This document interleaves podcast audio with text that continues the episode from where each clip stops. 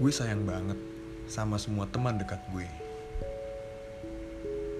Pernah suatu hari di saat gue lagi memberi mereka semangat, ada satu kalimat yang selalu gue bilang ke mereka.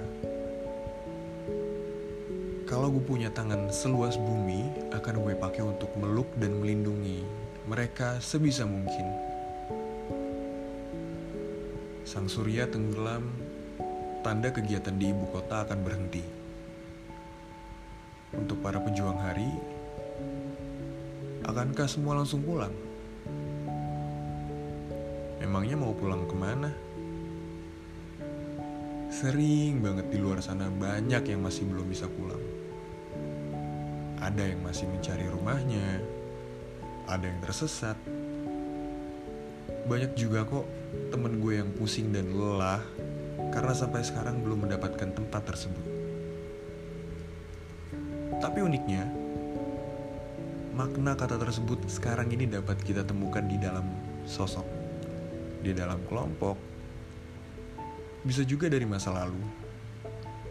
Pasalnya, pikiran dengan hati gak selalu bisa terhubung. Entah karena rasa sayang atau kesepian, sampai beberapa dari lo nekat untuk melanjutkan. Sehingga muncul pendapat mengenai manusia itu hidup dari logika atau perasaan. Pertanyaannya, mencari rumah yang seperti apa sih? Sekarang gue belajar bahwa rumah bukanlah tempat, melainkan perasaan yang kita letakkan dengan percaya, dengan nyaman, sehingga terjadi rasa aman dan terjaga. Gak bisa dipungkiri lagi kita tuh semua rindu akan diterima. Rindu akan didengar, rindu akan disayang, tanpa perlu menjelaskan bagaimana kita. Atau apa kabar sih hari ini?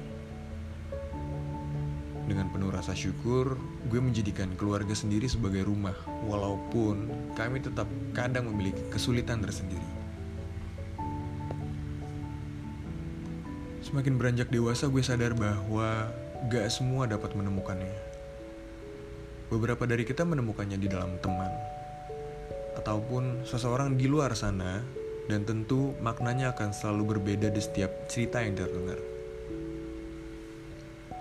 Meski di mana pun kita mengenalkan si rumah pada pejuang hari di luar sana, kemudian menjelaskannya dengan indah dan detail, bukan tidak mungkin terjadi kehilangan di dalamnya. Bahkan, masih banyak loh yang gak tahu caranya pulang. Jika bukan berasal dari keluarga dan teman, setidaknya dia adalah seseorang.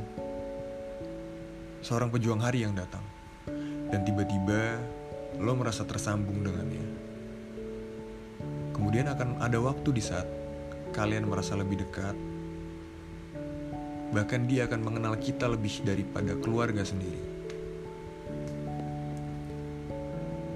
Bagian buruknya,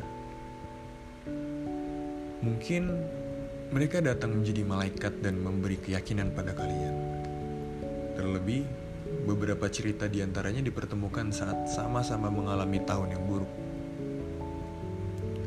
Kemudian, dengan kepercayaan penuh, kalian yakin bahwa datangnya si pejuang hari yang asing adalah membuat lo merasa aman dan terjaga. Mungkin juga untuk mengajarkan sesuatu hal yang penting. Tapi yang pasti, tujuan aslinya akan terlihat di waktu yang akan datang, baik cepat atau lambat. Namun ketika sudah terlihat tujuan sebenarnya dan si pejuang hari yang asing tadi merasa kurang cocok dengan apa yang kita punya, malaikat di dalamnya akan terbang kembali dari bumi dan membawa berita kehilangan untuk kita. Tugas kita tidak lain hanyalah menerima bahwa memang mungkin dari diri kita yang belum bisa menyesuaikan keadaan. Karena seperti pun badai besar kemudian muncul pelangi, dia pun akan berlalu.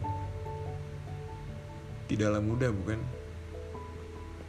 Yang ternyata datangnya bukanlah membuat rasa aman dan terjaga, melainkan mengajarkan bagaimana cara untuk melindungi diri sendiri. Ini adalah momen favorit gue, yang tentu menjadi pelajaran agar siap dalam mencari tempat tinggal.